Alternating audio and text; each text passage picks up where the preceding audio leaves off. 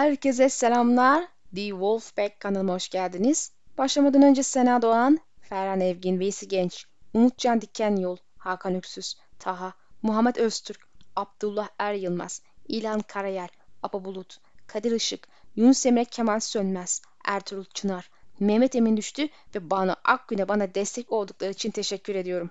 Sonunda hakları bende olan şampiyonlar kuramının vakti geldi. Bu fikrin gelişimini yıllar içerisinde büyük beşliden biri olan Arya Stark'ın hikayedeki kilit noktasını araştırmama borçluyum. Tabii ki her kuram gibi bunun da %100 doğru olduğu iddiasıyla hareket etmiyorum. Fakat gerçeğin en azından ucundan yakalamış olabileceğimi ummaktayım. Seri sona erene kadar doğru çıkıp çıkmayacağını ya ne kadar doğru tutturmuş olabileceğimi tamamen öğrenmemiz tabii ki de mümkün görünmese de Kış Rüzgarları kitabında Arya'nın rengini daha fazla belli edeceğini tahmin ettiğimden en azından fikrimi güçlendirecek yahut zayıflatacak gelişmeler bekleyebiliriz. Başlamadan önce eğer altyapı videolu dediğim temel bilgileri izleyip öğrenmediyseniz doğrudan bu videoyu izlemenizi tavsiye etmiyorum. Çünkü kurduğum bağlantılar ve yaptığım çıkarımların temellerini bilmeden bazı şeyler tamamen aklınıza yatmayabilir. E dahası bazı şeyleri bildiğinizi farz ederek birkaç cümleyle geçiştirme ihtimaline düşünürsek her ne kadar kaba bir özet geçirik olsam da ayrıntılar için e, ismini saydıklarıma bir göz atın derim. Buz ve Ateş'in Savaşı izlemeniz gereken ilk video temel olarak serinin gri karakter temasını gözler önüne seriyor ve kötücül karanlık lordların olmadığını anlatıyor. Daha sonra bununla uyumlu sayılan Ulu Kurtlar Foreshadowing ve Kırmızı Kuyruklu Yıldız videosunda Starklar hatta genel olarak diğer için Deni'nin ve ejderhaların gelişinin çok da hayra alamet olmadığını anlattım. Unutmayın ki ulu kurtlar ölümü ve felaketlerin gelişini sizinler. E buna ek olarak da kurtların isimlerinin sahipleri için olası foreshadowing'lerine değindim. Stark tehdidi video misyonların kökenlerinin sandığımız kadar temiz olmayabileceği bembeyaz akpür bir kahraman haneden ziyade karanlık bir yönü olan kışın gelmesiyle hükümlerinin başlayacağı ve kış güdüğü sözünü bir uyarıdan ziyade tehditte olabileceğini anlattım. Üç baş var videomu izlerseniz seride buz ve ateşi ek olarak bu ikisinin denge kurmasını talep eden üçüncü bir taraf olan uyumun şarkı ile tabir edildiğini anlatıyorum. Bu da kuzeyin eski güçleri ve ormanın çocukları oluyor. Yüzsüz adam ve büyük öteki videosunu izlerseniz de yüzsüzlerin ötekilerle aynı kişiye taptığının işaretini veriyorum. Arya ve Brovos ile ilgili videomu izlediğinizde bu ilişkiye ışık tutabilecek ay ve su ilişkisinden yola çıktığım bir başka bağlantı kuruyorum. Genel olarak Martin'in seride yin yang felsefesini işlediğini gözünde tutun. Şimdi Arya'ya odaklandığımız videoları da bakalım. İlk olarak Arya ve Siyah Kuğu videosuna bakmanızı tavsiye ediyorum. Karakterin sadece kuyuya dönüşen bir çirkin ördek yavrusu hikayesine sahip olmakla kalmadan ayrıca beklenmedik derecede büyük bir olaya etkiye, olaya atıfta bulunmak için kullanılan bir terim olan siyah kuğu kuramı ile ilişkisini anlatıyor. Jack'ın Hagar'ın oyunun videosunda Arya'ya olan yaklaşımdaki gariplikler ve olası sebepler ele alınıyor. Arya ve Valkyrie videosu ise Arya'nın Norse mitlerindeki bu savaşçı bakilerle olan benzerliği ve Valkyrie gibi ölümlü aracı sahne nasıl geldiğine değindim ki bu zaten ayrıca özel. Şart değil fakat Stark ve Targaryen'in dizinin aksine kitaplarda hiç de işbirliği içinde olmayacağını anlatan olasılıkları gözler önüne seren bir sahne ve rüya yorumlamasını karşılaştırmasını yaptım Kehanetler ve Rüyaların birinci videosunu izlemenizi tavsiye ederim. 11. dakika 44. saniyede Deni'nin ejderha rüyası ile Arya'nın yeşil çatılı geçtiği sahne arasındaki olası paralellik mecaz göndermeleri anlattım. Bence muhakkak dinleyin. Artık başlayabiliriz. İlk kısımda şu ana kadar bahsettiğim videolarda anlatılanların genel kaba bir özetini ve vardığım sonuca tekrar değineceğim. İlk önce altyapı videonun yapma sebebini söyleyeyim. Kurduğum bağlantıları nasıl ve nedenlerine ayrıntı şekilde göz önüne sermem ve kanıt olarak öne sürdüğüm bir sürü argümanı sıralamam içindi. İkinci kısımda da kurama giriş yapacağım ve biteceğim inşallah. İlk önce genel temadan bahsedelim. Her ne kadar güç savaşı entrika öne çıkan tema olsa da Buz ve Ateş'in Savaşı serinin asıl hikayesidir. Taht oyunları sadece asıl an gelene kadar bizleri oyalayan yan temalardan biri ama şüphesiz önemli bir konu tabii ki. Martin'in genel olarak kalıpların dışına çıkan bir yazar olduğunu zaten biliyorsunuz. Bilindik meseleleri klişeli dahi kendince tekrar yorumlayarak bizlere sunuyor fakat Tabii ki geleneksel klişelerden vazgeçtiği manasına gelmiyor. Lakin bana göre onu bile ilgi çekici şekilde işlediği için aman amma klişe bir konu cümlesini kurdurmuyor. Genelde hikayelerimiz geleneksel olarak iyi ve kötünün savaşı şeklinde işlenir.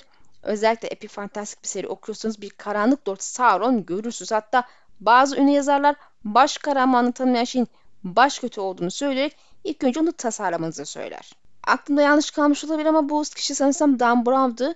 Bu zıt karakter olayı Asraf'ta da aslında kendini bir şekilde gösteriyor. Yabancı forumlarda sık sık duyduğunuz bir terimle. Foil karakter. Örneğin işte Sansa Arya'nın foilidir ya Theon da Jon'un foilidir.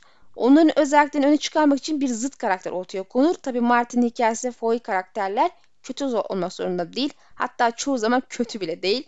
Lakin kötü ve yanlış şeyler yaparlar. Elimizde Dağ, Ramsey ve Euron gibi saf kötü karakter olsa da serinin genelinde karakterler gri'nin tonlarına boyanmışlardır ve iyi şeyler kadar kötü şeyler de yaparlar çünkü onlar insandır ve insanlar böyledir. Martin'e göre artık karanlık lordlara ihtiyacımız yok. Çünkü insanın içindeki iyilik yapma yeteneği kadar kötülük yapma yeteneği de vardır ve bu bizim için yeterlidir. Eğer bu seri geleneksel bir anlatıma sahip olsaydı Lannister'lar saf kötüler olarak karşımıza çıkardı ki ilk kitapta da gerçekten böyle bir imaj çizdiler. Tyrion dışındaki Lannister'ların hikayenin kötü adamlı olduğu fikrindeydik. Bu sebeple onların karşısındaki Karaman hanemiz Stark'lar ilk yerden desteklenen aile olmuştur. Saf, temiz, karkada beyaz bir aile. Tabi sonraki kitaplarda yavaş yavaş diğer Lannister'ı da tanımaya başladığımızda tamam iyi değiller belki ama o kadar da kötü değiller demeye başladık. Hatta gerek hane gerekse aile üyelerine hayranlık besleyen bir okuyucu kitlesi de gelişti. Eylemin doğası gereği tüm yanlışına rağmen Jaime'nin Bran'ı öldürmeye yeltenmesi hatta Cersei'nin tüm o eylemlerin temel nedeni anlaşılabilir hale geldi. Yani kendi çocuklarını, ailelerini korumak istedik için onlara kötü insanlar diyemezdik belki ama yöntemlerinin kötü olduğunu söylemek mümkün. Yani tam bir koyuya kaçan gri karakterlerdir. E bu da zaten hikaye okumasını daha ilginç ve eğlenceli kıldı. Elbette kötü insan nedir tanımlı noktasında ayrı bir tartışma da yapılabilir ama konumuz bu değil. Biz Martin'in bakış açısına göre hikaye yaklaşmalıyız. Martin gri karakter meselesini Üstad Eyman Azaz'da şöyle güzelce özetliyor. Stannis'ten daha iyi adamlar bundan daha kötü şeyler yaptı. Yani ilk kitap genel olarak özetlersek ağırlıkta iyi insanlar denen Stark'ların gözünden okuduğumuz için ve tabii ki sevdiğimiz için Lannister'ları kötü adamlar olarak gördük. Gerçi bir Stark destekçisi olarak Lannister hala benim için bir düşmandır fakat onların da gözünden okunca empati kurabildim ve bizi şartların düşman kıldığını söyleyebildim. Şartlar farklı olsaydı müttefik bile olabilirdik ki pek tabi ileride de kitapta bu mümkün olabilir. Buna ek olarak Stark tarafı da saf iyi demek mümkün değil aslında. Arya'nın Nehrova'daki yolculuğu hatırlarsak halkın kurtların yaptığı kötü şeylerden de şikayet ettiğini görürsünüz. Buz ateşe dönersek ötekiler ilk olarak gece nöbetine saldıran ürkünç yaratıklar olarak gösterildi. Bariz ki insanlara saldıran bu doğaüstü canlılar serimizin kötü adamlarıydı. Yani Sauron'umuz. Melisandre gibiler de devreye girdiğinde onların kötü bir topluluk olduğu konusunda iyice kani oldu. Fakat unutmamak gerekir ki Lannister'ları Stark'ların gözüyle gördüğümüzde yaptığımız hatayı bu sefer de bu konuda yapıyoruz. Martin buna aldatıcı karakter diyor bir karakterin bakış açısıyla olaylara baktığınızda onun mantığı ve duygularıyla olan biteni yorumlarsınız. Örneğin Deni'nin gözünden baktığımızda Miri mazur kötü bir karakterdir fakat olan bitene bakarsanız tarafsız bir şekilde Deni Özde Miri'nin hikayesindeki kötü karakterdir. O sadece halkının intikamını alıp daha fazla kan dökülmesini engellemeye çalışmıştır. İkisi de özde kötü değildir evet ama kötü yönleri de vardır lakin şartlar onları düşman kılmıştır. Doğal olarak ötekiler insanlardan nefret eden bir güç olarak şartların bizi karşı karşıya getirdiği düşmanlarımızı fakat bu bir karanlık dört hikayesi beklememiz gerektiğini göstermez. Onların nefretinde haklı bir yön olması bizim onlarla savaşmamız gerektiği gerçeğini değiştirmese de olayların sonunun şekillenmesini etkileyebilir. Örneğin saf kötüler ise o zaman geleneksel hikayede olduğu gibi tamamen yok edilmeleri gerekir ki Jon Snow ve diğerlerinin yapacağı şey tam olarak budur. Lakin tersi ise o zaman bir soykırımdan ziyade daha barışçıl bir çözüme gidilebilir. Haliyle ötekilerin doğası kahramanlarımızın neler yapacağı ve hikayeyi nasıl sonlandıracağı etkileyecek önemli bir ayrıntıdır. Elbette ötekiler ele alınması gereken tek taraf değil. Ateş tarafı da sap iyi gibi sunulsa da Kızıl Rahiplerin yaktığı masumlar göz önüne alındığında hatta Deni'nin iyi niyetle hareket etmesine rağmen yarattığı kötü sonuçlar ateşin de saf iyi olmadığını, kötü yönleri olduğunu gözlerine seriyor. E zaten Martin de seriyi Robert Frost'un bir şiirinden ilham almıştı. Birazdan okuyacağım şiir kıyametin hem buz hem de ateşten geleceğini işaret eden, daha doğrusu gelebileceğini işaret eden bir çeşit çifte kıyameti tasvir eden bir anlatım sergiliyor. Buz nefret olarak tanımlanırken ateş de tutku olarak tanımlanıyor. Yani bu iki duygunun dünyanın sonunu getireceğini söylemekte. Buz ve ateşin savaşına bu şekilde bakarsanız iki tarafın savaşın Asoyev evrenin sonunu getirecek kadar tehlikeli olduğunu görürsünüz. E zaten sırf bu sebeple mevsimler bile dengesiz hale gelmiş ise e, varın gerisini siz düşünün. Bazıları dünyanın sonunun ateşle geleceğini söylüyor. Bazıları buzla. Tadına baktığım kadarıyla tutkunun ateşten yana olanlarla aynı fikirdeyim. Ama iki kez yok olması gerekiyorsa sanırım yeterince nefreti biliyorum. Yıkım için buzun da harika olduğunu ve yeterli olacağını söyleyecek kadar. Bu da bizi Stark'lığın doğasına tarafına getiriyor. Stark'lar ilk kitaptan itibaren serimizin kahramanları olarak öne çıkıyor ve yazar içinde hikayenin kahramanı bu hane arkadaşlar. Buna rağmen gri karakter tekniğiyle yaklaşmak gerekecek tabii ki de son nesil Stark'la baktığımızda oldukça insancıl hatta babacık karakter olarak öne çıksalar da özellikle Ned Stark'ın bu ailenin vitrini olduğunu göz önüne aldığımızda e, bu aileden karanlık bir yön çıkacağını beklemek pek mümkün görünmüyor. Tabii bu çok aldatıcı bir şey çünkü kadim Stark'lar hakkında söylenenlere bakarsanız çok acımasız hatta bazen gaddar olan insanlardan bahsediyoruz. 5000 yıl önce irili ufaklı 100 krallık vardı ve Kuzey'in Stark'ları kendi payına düşen krallıkları kendine katarak tek bir krallık kurmuşlardır. E takdir ederseniz ki şu an gördüğümüz hanelerden daha fazla hane olmalı o dönemlerde lakin belli ki bunlar diz çöküp Stark'ların hükümdarlığını kabul edecek kadar sağduyulu olanlardı.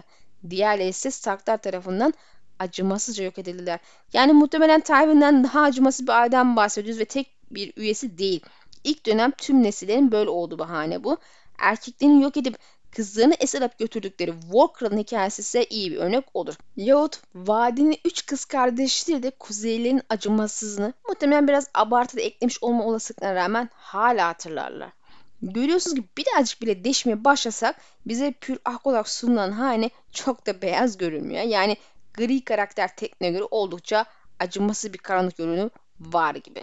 Targaryen ailesinin ateşi temsil eden bir hane olduğunu biliyoruz fakat çoğu zaman gözümüzden kaçan Stark'ların da buzu temsil ettiğidir. Bu doğaldı tabii çünkü ejderhalar ile etrafta uçuşan bir aileye karşı buz ejderhası veya ona benzer bir şeyle etrafta dolanan bir aile değil Stark'lar. Lakin dans sırasında iki ailesi arasında kurulan ittifaka buz ve ateşin anlaşması denmesi bize yazar içinde o evin insanı içinde Stark'ların buz temsilcisi olduğunu gösterir. Şüphesiz ki yaşadıkları coğrafya geri Stark'lar da tüm kuzeyler soğuğa karşı daha dayanıklıdır ama Stark'ların mirasına baktığımızda çok fazla kış ve buz ifadesini geçtiğini görüyoruz. Kurt saati, buz, kış geliyor, kış kralları Winterfell. Buz Stark ailesinin kaybolduğu söylenen aile yadigarı kılıcının ismi nispeten yeni olan Valyria çeliği kılıcına da buz ismini vermişler. Peki neden buz?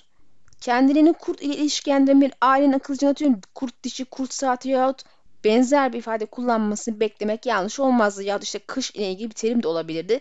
Neticede çoğu ifade kışı içeriyor. E neticede Lannister için bile parlak kükremeyken Targaryenler kara ateş demiş ki Aegon ejderhası bir gönderme bu. Hayır buz ifadesi düşündürücü.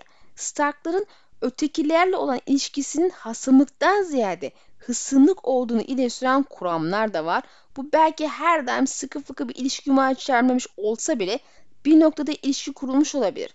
Ötekilerin kılıcının buzdan olduğu düşünürse ilk nesil Stark'ların aile kılıcı buzdan yapılmış olabilir mi?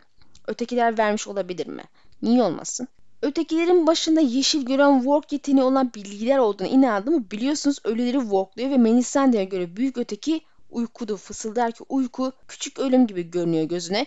Yeşil görenlerin ölünce ağaca karıştığı ve kuzeyin eski ilahların da aslında onlar olduğunu düşünen bir kitle var ki ben de aynı fikirdeyim. Haliyle bu eski ve ölmüş ama ağaçlar içinde yaşayan yeşil görenlerin uykuda büvet ağacının da gücünü kullanarak rüya gösterdiğini biliyoruz. İşte bakınız yüce yürek hayaleti.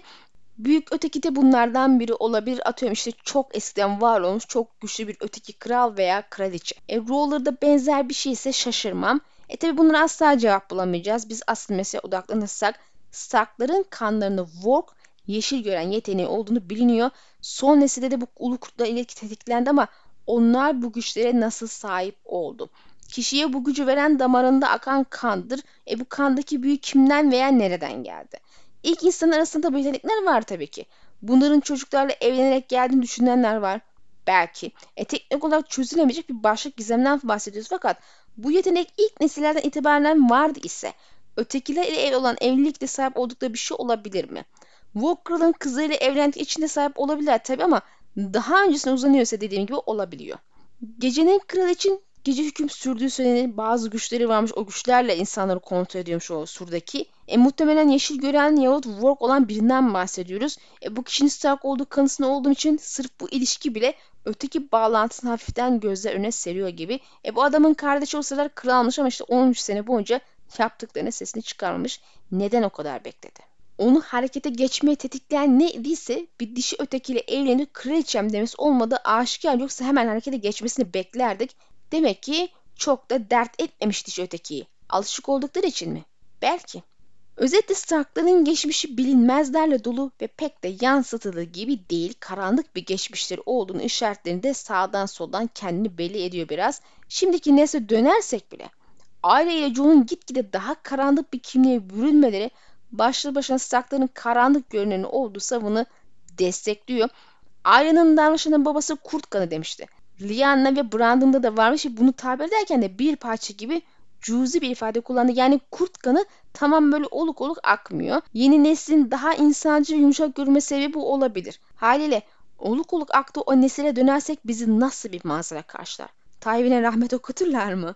Muhtemelen. Buzdan sonraki Stark mirasları da ağırlıkta kış temalı. Kuzeyin sürekli kışta harman olduğu düşünse bu tabii bir seçim fakat soğuk ve karın kaderli olması da bir o kadar düşündürücü. Ötekilerin olduğu dönemlerde bile hakimiyetlerini korumuş hatta belki de bu dönemde kurmaya başlamışlardır. Diğer kuzeylerin aksine kışı bu kadar benimsemeleri de ayrıca düşündürücü.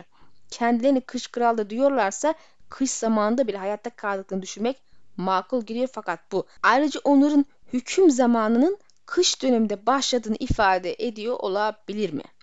Bunu destekleyen çok önemli bilgi var elimizde. Seride saat dilimini ifade etmek için ağırlıkta hayvan isimlerinin kullanıldığını biliyoruz. Kurt saati de bunlardan biri. Burada ilginç olan kısım kurt saatinin denk geldiği zaman dilimi. John 5. kitapta etten kendisini kurt saatine uyandırmasını ister belki oldukça erken bir saat diliminden bahsediyor. Kış rüzgar serme bölümünde kurt saatinin hangi zamana denk geldiği açıkça ifade ediliyor. Kurt saatiydi. Gecenin en uzun, en karanlık saati. Pekala bu kendi başına çok şey anlatıyor. Asyop evreninde buzun temsilcisi olan bir haneye atfedilen kurt saati gecenin en uzun ve en karanlık saatini ifade etmek için kullanılıyor ki e, bu da şafaktan önceki zaman dilimine geliyor. Özetle uzun gece ifade etmek için kullanıyorlar arkadaşlar. Starkların kendine kış kralı demesi artık daha bir manidar hale geliyor değil mi? Hanenin yerleşkisi olan Winterfell'e gelirsek gene bir kış göndermesi var. İlk okuduğumuzdan bu yana kelimeleri doğrudan birinci anlamlarıyla çevirip uzun gecenin belki de bu bölgede sonu ermiş olabileceği yorumunu yapma eğilimiyle en azından ben öyleydim. Ta ki burada bir kelime oyunu olabileceğini fark edene kadar. Fel kelimesi bilindiği üzere fall yani düşme kelimesinin geçmiş zaman haline ifade ediyor. Hale kış düştü şeklinde bir anlam çıkıyor. Tabi fel ayrıca tepe manasına geldiği için de kış yeri şeklinde çevirisini yapmak da makul görünüyor. Buna rağmen mecazi bir anlatım gereği fall ayrıca çökmek anlamında gelir. Eğer George Monmouth'un Tyrion ile uzun geceyle ilgili konuştuğu bölümü İngilizce okursanız uzun gecenin gelişini ifade etmek için söylediği uzun gece çöktüğünde ifadesi için long night falls kelimeni kullanıyor. Aynı şekilde gene ilk kitapta yaşadığının aynı konunun hikayesi anlatırken kış çöktü ifadesi için a winter fell kelimelerini kullandığını görebilirsiniz. Haliyle Martin burada bir kelime oyunu kullanarak kışın uzun gecenin başlangıcının aslında Winterfell kalesi olduğunu işaret etmek istemiş olabilir. Bu da Stark'ların en başından beri ötekilerle kış meselesinde ortaklaşıp iş tutmuş olabilecek ihtimali aklına getiriyor. Doğal olarak kış geliyor sözü de daha anlamlı hale getiriyor ve Stark'ların nasıl olur da en başından beri uzun gecenin tekrar geldiğini, geliyor olduğunu bildiğini gösteriyor. Çünkü bizzat işin içindeler. Tabi zaman içinde ataların yediği naneler torunlar tarafından unutulmuşa benziyor. Haliyle Kuzey unutmaz sözün içi birazcık boşalmış. Kasıtlı bir unutkanlık da olabilir. Gecenin kralının isminin vesaire her şeyin kayıtlardan silindi bilinmekte. Belki de Starklar bu bağlantını silmek için uğraşırken kendileri zaman içinde unutmuştur. Kale inşa edilirken zaten ilk aşama bir yerleşkeden ziyade bir kule ve yeraltı mezarlığı için yapılmıştı. Yani bu mezarların bir önemi almalı ve büyüsel bir etkisi olmalı. E, Starklar ilk elden burada yaşamak için inşa etmediler bu kaleyi. Ölülerin buraya hapsedildiğini iyi kötü tahmin ediyoruz zaten. Yani anlattıkları hikaye yüksek ihtimal doğru fakat sebebi muamma. Kış ile ilişkisi olduğundan da eminim ama doğrudan nasıl bir ilişki çok da emin olamıyorum. Burada hep bir Stark'ın olması gerektirdiği fikri de zamanla kalenin bir yerleşkeye dönüşmesini sağladığını düşünmekteyim. Sonuca bağlarsak buzların temsilcisi Starklar, ötekiler kış ve uzun geceyle bağlantılı geçmiş olan bir hane ve karanlık geçmişleri bir sır olmuş. Kış geliyor bir çeşit tehdit cümlesi olabilir. Kış şu an gerçekten de yakın zamanda geliyor ve Stark'tan şu ana kadar nefret ile dolup taştığı, en azından ailenin öyle olduğunu ve intikam alacaklarını tahmin etmek zor değil. Bunun kışa denk gelmesi zaten ayrıca manidar. Yani kış önce Starklar büyük bir çöküş yaşamışken dikkat ederseniz kış yaklaşırken tekrar yükselişe geçip hüküm sürmeye zaten başlayacaklar. Ki zaten Martin değiştirmeden önce son kitabın ismini Kurtların Zamanı diye seçmişti. E, yani bu durumda kış kralları, kurtları sözleri tamamen gerçek görünüyor. E, yazar bunun zamanlamasını boş yere uzun geceye yani kurt saatine getirmiş olmasa gerek. Sizce de bu konuda haksız mıyım? Ulu kurtların kırmızı yazıda verdiği tepkiye bakarsak uğursuzluk olduğunu görürsünüz. Starkların hikaye incelemelerinde satır arasında birkaç kez bahsettim. Ulu kurtlar sahiplerine yaklaşık ölüm tehdidini ve felaketleri sezerler. Bunu huzursuz davranarak, uluyarak veya saldırgan şekilde anlatmaya çalışıyor lakin sahipleri anlamıyor. Yaşlıda yıldızın ejderhalar demek olduğunu anlamıştı ve Oşa'da kurtların diline tercüman olurcasına yıldız anlamını şu şekilde açıklamıştı. Ateş ve kan çocuk. Tatlı bir şey değil. Özetle kurtlar gelen ejderhaların kendi ailesi için bir tehdit olduğunu hissediyor. Yani yaklaşan ateş buz için bir tehdit. Zaten Targaryen ve Stark arasında hoş ilişkiler beklemek gerektiğini güzel anlatan bir şart bu. Buz ve ateşin hali hazırda savaşları düşünürse temsilcisi olan iki ailenin de iyi geçirmesini beklemek anlamsız olur. Özellikle de okuduğumuz serinin temellerini atan ana olaylardan birinin Targaryen'i hedef etmek için harekete geçen Stark'ların içinde bulunduğu isyanın ve bunun muhtemelen Stark'ların içinde olduğu bir başka komplonun neticesinde şekillendiğini düşünürsek. Buz ve Ateş'in şarkısı taraflara geçelim şimdi. Biz genelde buz ve ateş arasında bir savaş olduğunu bilsek de sadece iki tarafın olduğu fikrindeyiz. Robert Frost'un işine bakarsak eğer bu ikisi arasında savaşta çok hayır alamet değil, herkesin sonunu getirme tehlikesi var. Evet, öyle veya böyle bırakırsak birinden biri daha baskın gelecek gibi görünse de dansta olduğu gibi işin özünde gerçek anlamda kazan olmayacaktır. Tergenyanları çökerttiği gibi insanlığı da çökertecektir. Bu da oldukça umutsuz ve taraf tutmanın anlamsız olduğu bir gelecek çiziyor. Yani her şekilde öleceksem neden bir taraf tutmalıyım? Tabii bu bizim yanılgımız olabilir. Siri'de gerçekte üç taraf olabilir. Sir'in ismi tam olarak buna işaret olabilir. Buz ölümü temsil ederken ötekilerin tarafına, ateş ise yaşamı temsil ederken ruh hocanın tarafına işaret ediyor. Peki uyum demek olduğunu düşündüğüm şarkı ne oluyor? Çünkü bariz ki burada buz ve ateşin arasında bir dengenin oluşmasını isteyerek uyum sağlanmasını isteyen birileri var gibi görünmekte. Bu da muhtemelen kuzeyin eski güçleri oluyor. Ormanın çocukları ve yeşil görenler doğada uyumun ve dengenin olması gerektiği bir felsefeye sahiptir. Yeşil görenler kendini ifade ederken şöyle bir bilgi verir. Seçilmişler sağlam değildir ve yeryüzünde geçirdikleri kısa yıllar azdır. Çünkü her şarkının bir dengesi olmalıdır. Martin'in seride birçok şeyle beraber yiyecekleri hatta renkleri simgesel anlatımda çok kullandığını biliyorsunuz. Bunlar bazı şeyler işaret gönderme öne çıkabilir. Ejderhaların Dansı iki isimli kuram serimi izlediyseniz tarafları tespit etmek için renkleri kullanmıştık. Aynı şeyi buz ve ateşin şarkısı taraflarını tespit etmek için kullanabiliyoruz. Buz tarafının rengi genelde mavidir. Buz ejderhasından bahsedilirken mavi gözle vurgu yapılır ve gökyüzündeki aynı isimdeki yıldızın mavi gözü de zaten kuzeyi işaret eder. Ayrıca ötekilerin göz renkleri ve kanları da aynı şekilde mavi. Eden'in ölümüne sebep olacak kişi olduğunu düşündüğümüz John'u temsil eden buzla büyüyen mavi çiçek de ölümle bağlantısı düşünüldüğünde anlamlı hale geliyor. Ateş tarafının rengi de doğal olarak kırmızıdır. Bunun için özellikle bir örnek vermeye gerek yok biliyorsunuz zaten. Şarkı tarafına geldiğimizde de bunun rengi yeşil olarak öne çıkıyor. Çünkü yeşil zaten doğanın rengidir. Doğa kendi bünyesinde hayatı ve ölümü eşit derecede barındırır ve diş müdahaleye maruz kalmadığı sürece sistemini uyumlu bir dengeli sürdürmeye devam eder. Parmaklarsanız da denge bozulur ve uyum ortadan kalkar ki serimiz olan tam olarak bu. Ormanın çocukları bu dengenin bozulmasında insanların parmağı olduğunu vurgular ve onların yarattığı dünyada kendilerinden başka bir şey yer olmadığı konusunda eleştirir. Dikkat edin ötekileri değil biz insanları suçluyorlar. Ötekiler muhtemelen buna sebep olan bizlere bir tepki olarak ortaya çıkmış bir halktır. Yani onların gözünde muhtemelen hikayenin kötü adamlarıyız ve bizi durdurmaya geliyorlar. Yeşil rengin çocukların ve kuzeyin eski güçlerin rengi olduğunu anlamak kolay zaten. Seçilmişlerine yeşil gören diyorlar ve Yüzler Adası'nı yeşil adamlar korumakta. Ayrıca yeşil düşler rüyalarımızda bize bir şeyler anlatmakta. Tabi bunlar sadece bir yakıştırma olarak da görülebilir ama buna da sınırlı da değil. Biliyorsunuz ki yıldızlar da bu seride bir şeyin alameti. Gelen kırmızı kuyruklu yıldız doğal olarak kırmızı renklidir ve ejderhanın gelişini haberde yani ateşin tarafını simgeliyor. Yıldızın geliyor olması yükselen bir güç göndermesi olarak da görülebilir. Çünkü uzun süredir ejderha yoktu ve ateş tarafı zayıf düşmüştü. Bahsettiğim buz ejderhası yıldızı da ötekiler buz tarafını işaret ediyor ki her daim orada duran bir yıldız bu. Aynı ötekilerin hep var olması ve hiçbir yere gitmemesi, gücünü koruması gibi. Uzun Duncan hikayesine gidersek de başka bir şey dikkat çekiyor. Duncan kalkanındaki arma onun bir gece ağacın üstüne düştüğünü gördüğü yeşil bir yıldıza aitti.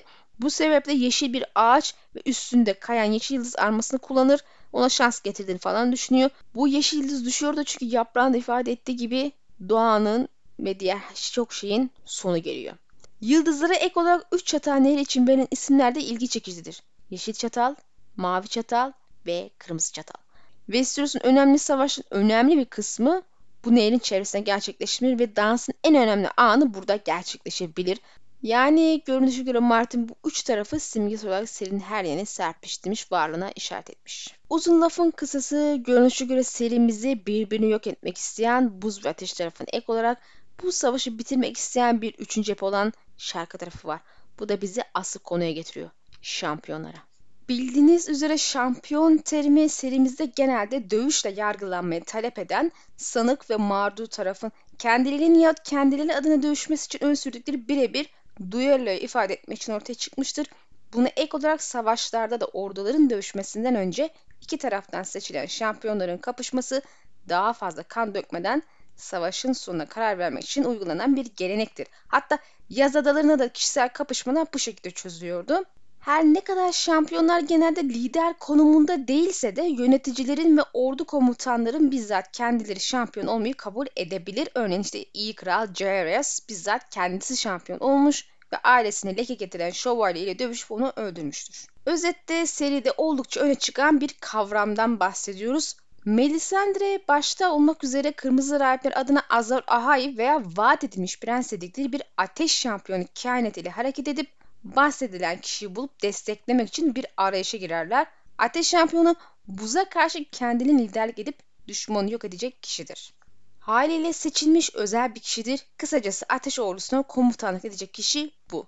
Son kitapta Melisandre ateşe içine baktığında Bran ve kan kuzgun görür ve onların düşman olup olmadığını düşünerek buzun şampiyon olabileceklerini ifade etmiştir.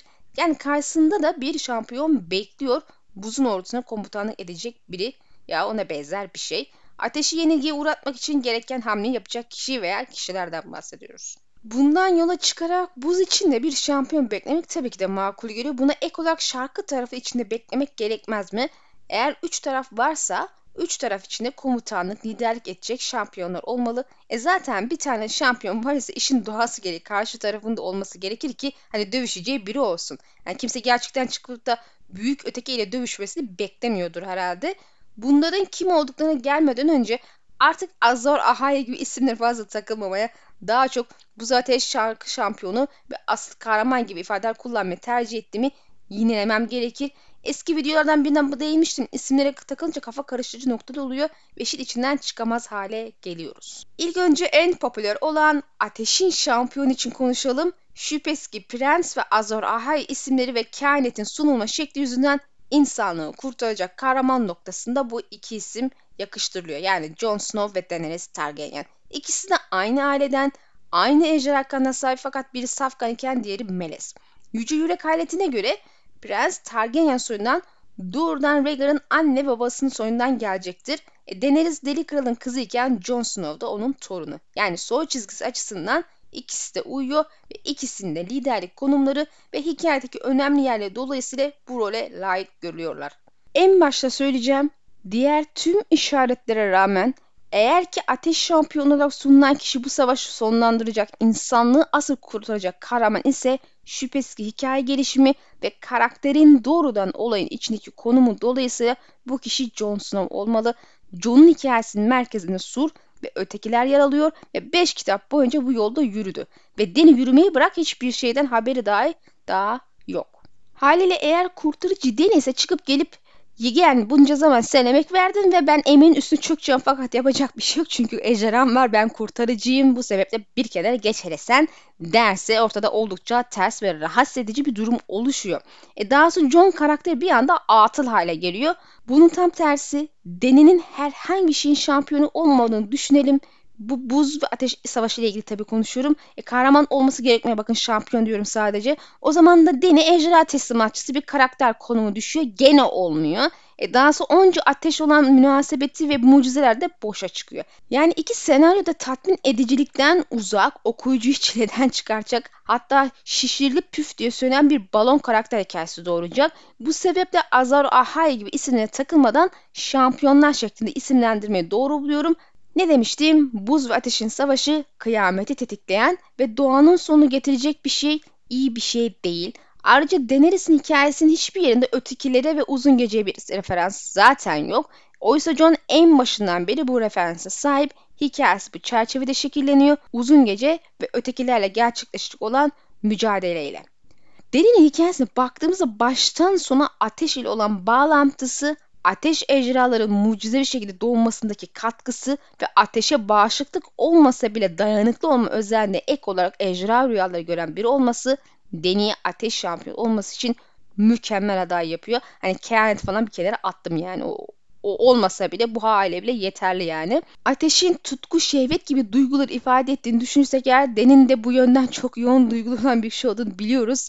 E, ayrıca Deni'nin safkan olduğunu unutmayın. Bu önemli midir? Önemli aslında. Valeria'nın ejderha lordları kanlarını safkan tutma takıntısına sahipti ve bu muhtemelen aile içindeki büyü barındıran kanın dışarıdan gelen kan ile sulanıp seyrelmesini öne geçmek için gerekli görüldü. Aksi halde artık ejderha süremez hale geleceklerdir. Hatta belki ejderhalar bile yumurtadan çıkmayacaktır. Her Valeri ejderha süremiyordu hatırlayın sadece 40 haneye özel bir durumda ama neden tam bir muamma. Eğer olay sadece boru ile ilgili olsaydı diğer haneler de bu boruyu bir şekilde ele geçirip sürebilirdi diye düşünüyorum. Prensin deli kral ve karısından doğacak soy çizgisinden gelecek olması da haliyle bu anlamda önemli bir ayrıntı olsa gerek. Ancak safkan bir ilişkiden doğan safkan bir çocuk ateş şampiyon olur. Yani Rhaegar kendisinin Azar Ahai olabileceğini düşünürken çok haksız olmayabilirdi ama Meliz olan olduğu için bunu düşündüğünde bu olasılık imkansız hale gelmiş olmalı. Safkan olmak önemsiz olsa o halde ya deli kral ya da karısının soyundan gelen biri denirdi ama ikisi evlenmek zorunda dendi. Buna da uyan yaşayan tek kişi Daenerys. E, kısacası yüksek ihtimal ateşin şampiyonu çıkacak kişi Ejderha Kraliçesi olacak. Peki asıl kahraman kim? Kim insanları kurtaracak kişi olacak? Şarkı kim? Bu sorunun cevabı elbette ki gene isimlere takılmadan kısaca Jon Snow. Ejderha dizisinde Martin'in spoiler vermesiyle öğrendik ki Aegon bir rüyacı ve ismini Buz ve Ateşin şarkısı dediği bir ejderha rüyası görmüştür ki bu rüya seriye de ismini verdi. Regar bu şarkıdan da bahsetmişti eğer Deniz'in ölümsüz evindeki sahnelerini hatırlıyorsanız. Aegon'un gördüğü rüyanın içeriği hakkında bir fikrimiz yok fakat uzak kuzeyden gelen tehdidi gördüğü için diyarı birleştirmek istemiş ve o gün geldiğinde tahtta bir Targaryen oturması gerektiğini yorumlamış, şarkının da kendi soyundan geleceğini öngörmüştür. Rüyanın içeriğini sonraki kitaplarda görürsek ki göreceğimizi düşünüyorum. O zaman yorumlamak tabii ki daha kolay olacaktır fakat ben Aegon'un asıl kahramanı görmüş olan kişi olduğunu düşünüyorum. Targaryenler her ne kadar bir prens kenti noktasında ilerlese de bu muhtemelen rüyanın kendilerince yaptıkları yorumuydu. Neticede kendileri ateşi temsil eden bir hane ve Prens Azar Ahai'de insanlığı kurtaracak kişi olarak lanse edilmekte kehanetlerde o zaman rüyada görülen kişi Azar Ahai olmalı demiştir ya da işte prens neyse. Rüyanın içeriğini bilmemek yorum yapmayı tabii ki zorlaştırıyor ve biraz varsayım üstünden gidiyor olsak da Ateş Şampiyon için Buz ve Ateş'in şarkısı demek bana anlamsız geliyor. Örneğin Ateş'in şarkısı da denebilirdi. Özellikle de serinin isminin yorum olarak öne sürdüğümüz ölüm ve yaşamın uyumu açılımında haklı isek yani buz ve ateşin uyumu dengesine işaret ediliyor ise neticede sırf ateş şampiyon olan biri nasıl iki arasında bir uyum denge sağlayabilir ki? Adı niye ateş şampiyonu halde? Buz ve ateşin şampiyon olsun ismi gitsin değil mi? Tabi hemen burada bir şerh koymak istiyorum. Kehanetlerin yanıltıcı olduğu ve yorumlamaların genelde hatalı çıktığı, beklenmedik şekilde kendisini gösterdiğini Martin birkaç kez hem kendi ağzından hem de seri içindeki karakterlerin ağzından vurguladı. Bir ihtimal Azor Ahai diye lanse edilen kişi Kızılcık Şerbetler'in anlattıklarının aksine ateş şampiyonu çıkmayabilir de. Yani şarkı tarafının temsilcisi çıkabilir. Neticede bunlar kendilerini insanlığın kurtarıcısı bulmaya adamışlar ve ateşin Roller'ın da tek ilah olduğuna inanıyor. Onun karşısında işte kötü ilah büyük öteki var. Doğal olarak ortada bir kurtarıcı varsa onu Roller seçmiş olmalı ve o da ateş ilahı olduğuna göre onu seçtiği kişi de ateş şampiyon olur şeklinde bir mantık kurmuşlardır diye düşünmekteyim. Bu hikayede sırf bunların ağzından ve bakış açısından okuduğumuz içinde bizde de böyle beklenti oluşması ve her şeyin böyle yorumlamamız doğaldı. Tabi güç sahibi tarafta bakarsak rollercılar, büyük ötekiciler ve kuzeyin eski güçlerin takipçilerini görebiliyoruz. Yani Kızıl Rahiplerin gözünden bakarsak yaklaşımları yanlış. Sırf roller ve büyük öteki yok. Ayrıca kuzeyin eski güçleri de var. Yani üçüncü bir taraf zaten var. Zaten ateşi sevmeyen bu kuzeyin eski güçlerine neden ateş şampiyonunun geleceğini kendi rahiplerinden, rahibelerinden birinin aracılığıyla haber edip doğmasının ön ayak olduğunu merak etmişimdir. İsimlere takılmadan kurtarıcı kişi aramanın önemi biraz daha öne çıkıyor bu şekilde. Hale biz benim yaklaşımıma devam edelim yoksa gördüğünüz gibi işin içinden gerçekten çıkamayız. Peki Jon Snow için neden şarkının şampiyonu hatta kendisi diyoruz? Deney için öne sürdüğümüz ateş şampiyonu olması için safkan olması gerektiği argümanından yola çıkarsak Jon için de benzeri olarak ebeveynlerinin buz ve ateş kanına sahip kişi olması gerektiği için. Rhaegar ateşi temsil eden Targaryen hanesinin bir üyesiyken annesi Lyanna da buzu temsil eden Stark hanesinin bir üyesi. Bu da onu bir melez olarak aynı anda hem buz hem de ateş yapıyor. İronik yanı ise buzu ölüm ateşi yaşam olarak görürsek de Jon'un ölüp dirilmesi sonrasında da kendisi ölüm ve yaşam arasında duran bir nevi bir çeşit hayalete dönüşük olması da ayrı bir önemli ayrıntıdır. Haliyle kurduğunun ismi hayalet olması da ayrıca dikkat çekici. E bildiğiniz gibi bu kurt isimleri de foreshadowing içeriyordu. Şafak İmparatorluğu'nun ilk hükümdarı ışıktan kadının ve gecenin aslının oğlu yani gündüz ve gece yaşam ve ölüm ateş ve buzun oğlu. Onun döneminde refah ve uyum vardı. Her şey yolundaydı fakat onun dünyayı terk etmesinden sonra her şey zaman içinde kötüye gitti ve malum son gerçekleşti. Jon'un beyaza kaçan bir gri karakter olmasına karşın içinde oldukça karanlık bir yönü olduğunu da biliyorsunuz ve bunu muhtemelen dirildikten sonra daha net göreceğiz.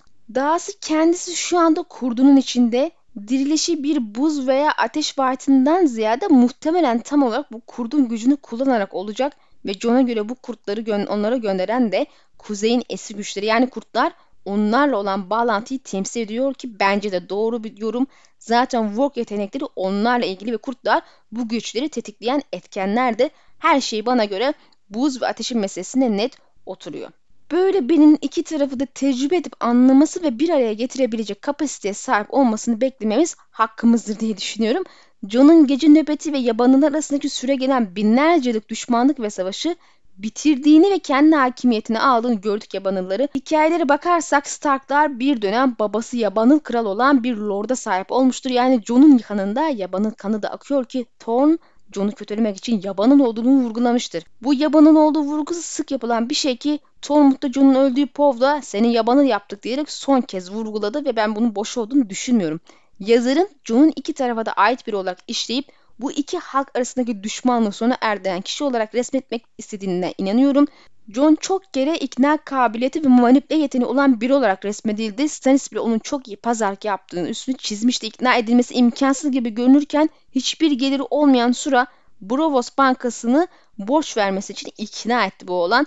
Daha önce birkaç kere değmiştim. Sur'da yaşadıkları kral olduktan sonra yaşayacakları için birer fragman. Küçük ölçekte deneyimlediği bir ön gösterim. Dağısı sur ötesinden gelen bir halk ile sur gerisindeki gece nöbetini barıştırması zaten ilginç bir ayrıntıdır. Çünkü sur ötesinde ileride bir başka halk daha geliyor ve berisinde duran tüm insanlıkla barıştırması gerekecek. Dahası Jon'un aile bağları geri hem buz hem ateş şampiyonu ile de bağı var. Buza geleceğiz tabii ki. Şarkının tarafında olan kan kuzgununun Jon'un etrafında olma sebebi de işte tam bu sebeple. Tamam bu kısım doğrulanmadı fakat Birileri John'a yeşil rüyalar gösteriyor arkadaşlar. Son rüyalarından biri de buruşuk elki yaşlı bir el bize bu kişinin o olduğunu gösteriyor. Dahası kuzgunda muhtemelen onun tarafından kontrol ediliyor. Yani Rolluncular ateş şampiyonu peşine düşüp ararken şarkıcılar da kenti şampiyonu çoktan buldu ve gereken ilgi alakayı gösteriyor. Herhalde John'u psikolojik olarak olduğu kişiyi hazırlamaya ve olacaklar hakkında bilgilendirmeye çalışıyor olabilir diye düşünmekteyim. Fakat kan kuzgunun zamanı zaten kısıtlı. Bran'ı John'a yardım edip desteklemesi için eğittiğini düşünüyorum. Bran da kan kuzgun gibi bir çeşit Merlin Gandalf figürü öne çıkacak gibi. Her şampiyonun da benzer figürleri olduğu görüşündeyim zaten. Deni içinde bu kişi Mokoro. Belki daha sonra başkaları da arasına katılabilir.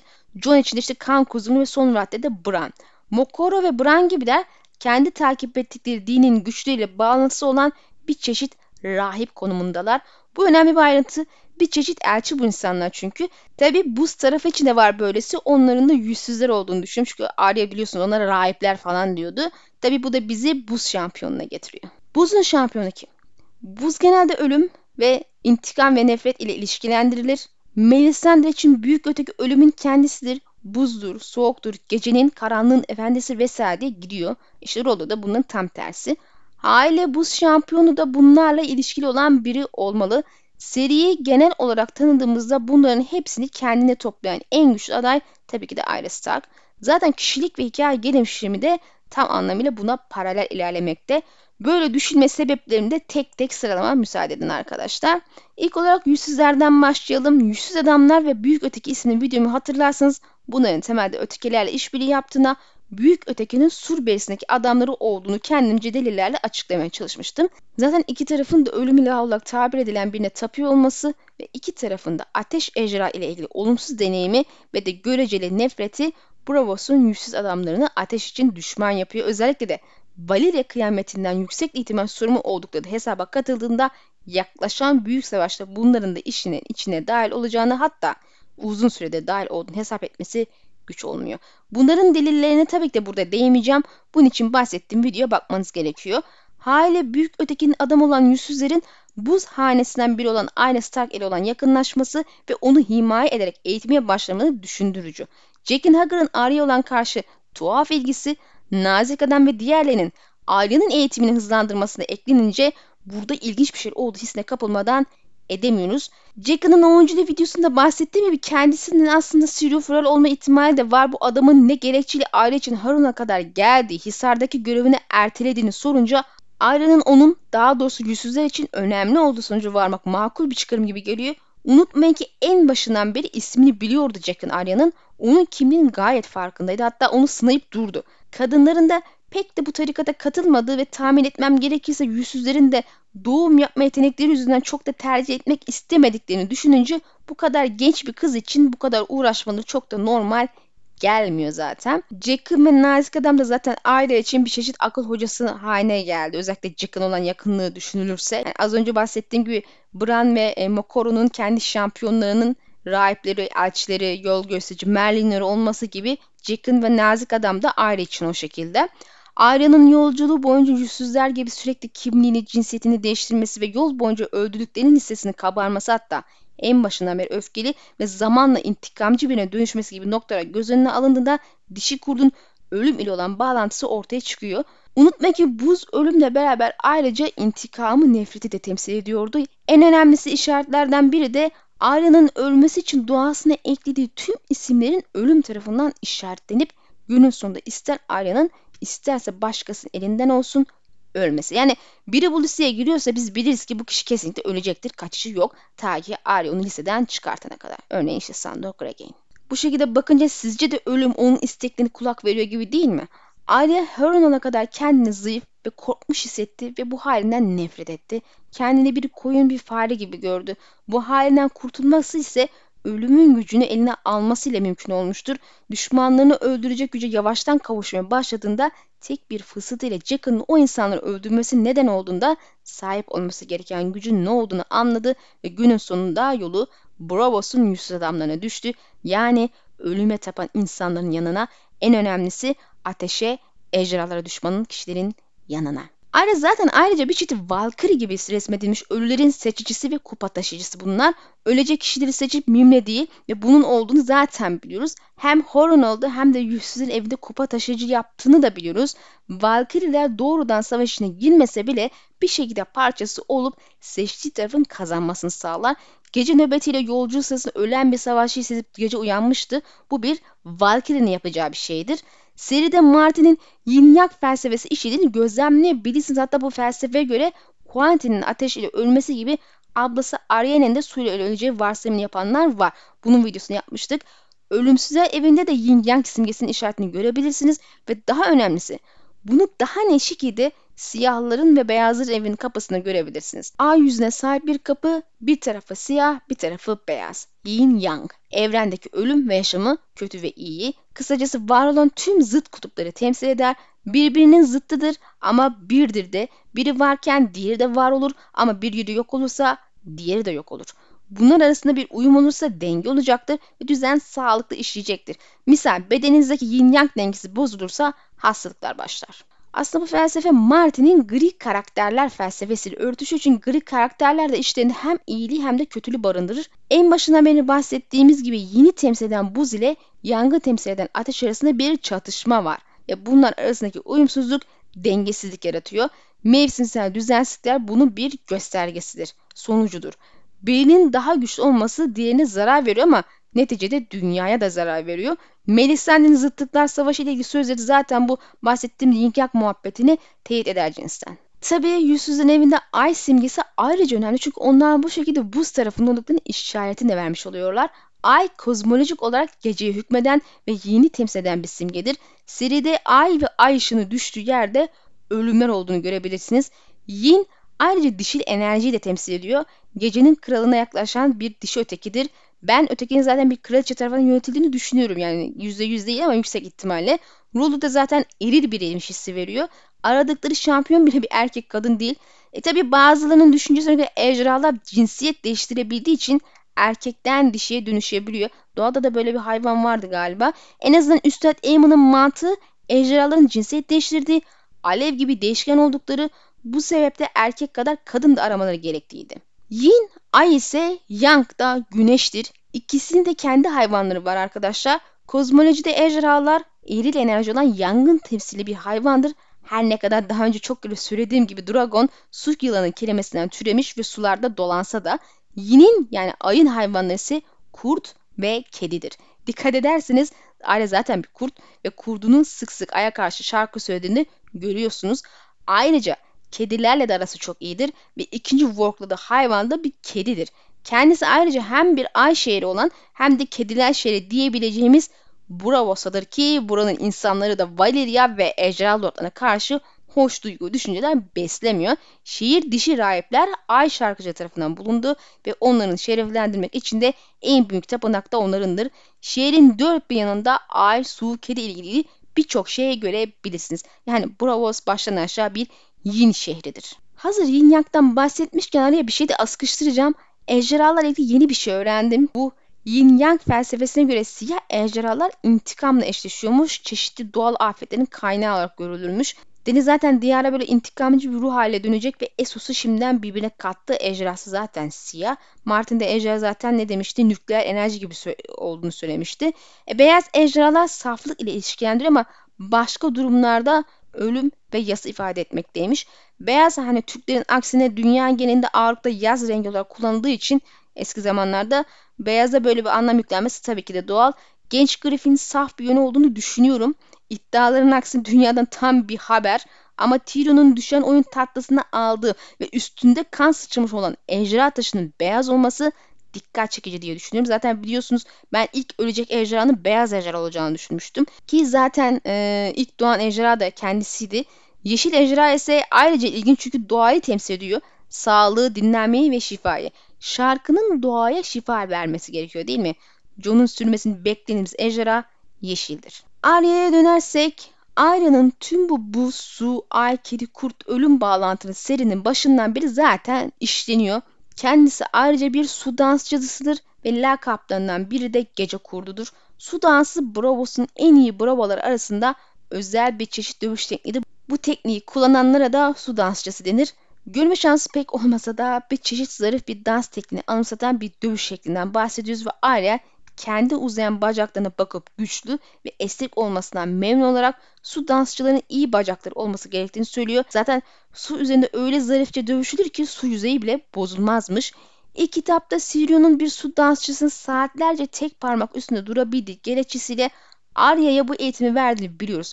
Bu bacak ve de zarafet gibi ayrıntılar bize bir çeşit balerin hareketleri anımsatıyor arkadaşlar. E, bale deyince de akla gelen ilk şey kuğu balesidir zaten. Gerçekten de Arya'nın kuğularla da ilgili çeşitli referansları var ki zaten çirkin ördek yavrusunu güzel koya dönüştü masada tam olarak Arya'yı anlatıyor. Bunun için ilgili videoyu izleyebilirsiniz. Ayrıca kuğu balesi hem siyah hem beyaz kuğuları konu edilen bir hikayedir ve bir çeşit yin yang temsili olarak bile görebilirsiniz bunu. Biliyorsunuz Martin masalı da hikayesini işliyor. Güzel ve çirkin gibi. Tabi biz olayın bu kısmına bakmayacağız. Bizi ilgilendiren masalın kendisinden ziyade siyah kuğu kuramı. Bu bize Arya'nın hikayesindeki rolüne bir gönderme yapıyor.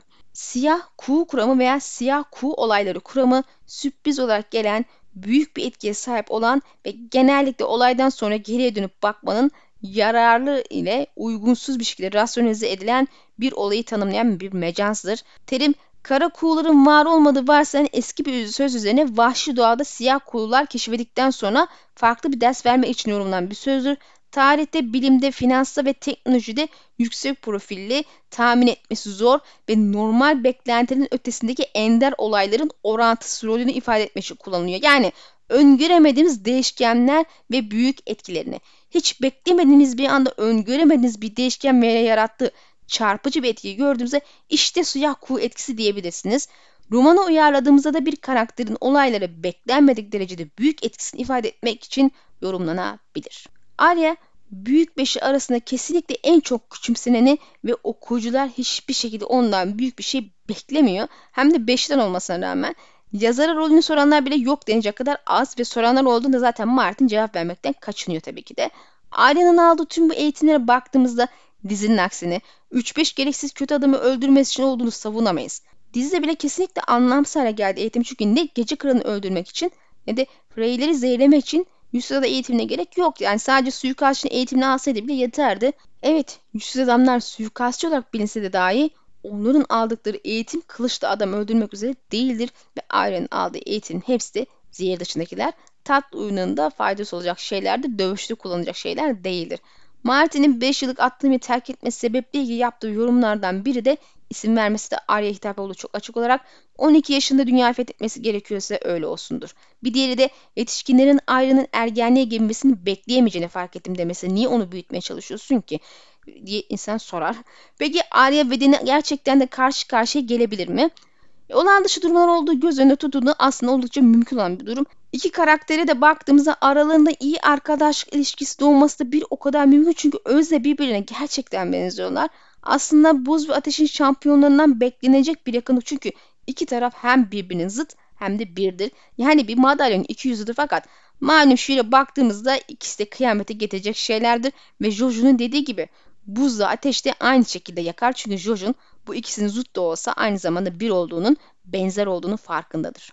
İki karakter de ölüm ve yıkım getirebilecek güçler ve özelliklerle donatılıyor.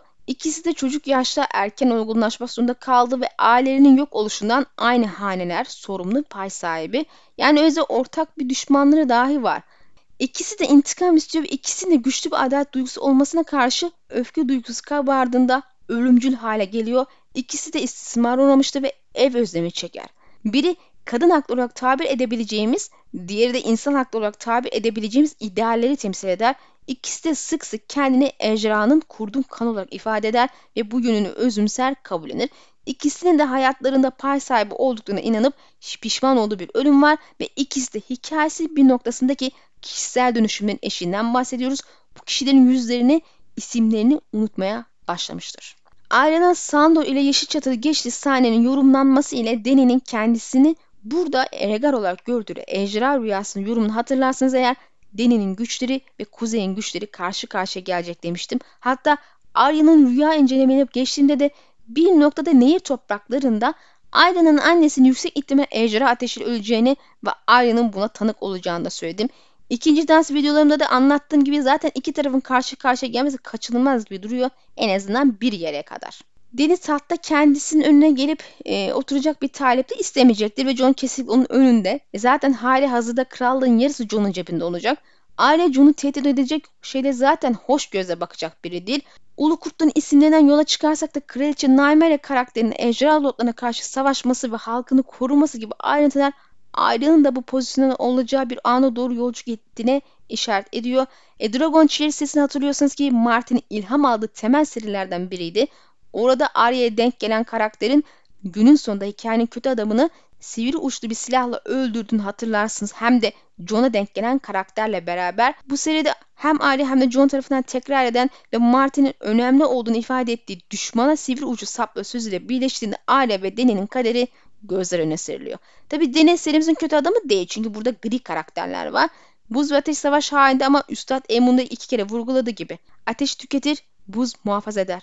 Deni'nin gördüğü üçlü kehanette ölümüne sebep olacak mavi gülün John olmasını da eklerseniz daha fazla yorum yapmaya gerek yok. Uzun lafın kısası muhtemelen serimizde Buz ve Ateş'in şampiyon olarak Arya ve Deni'yi okuyacağız ve olağan şartlarda çok iyi arkadaş olabilecek bu birbirine benzer iki karakter şartların onları zorlamasından dolayı birbirine düşman olarak karşı karşıya gelecek.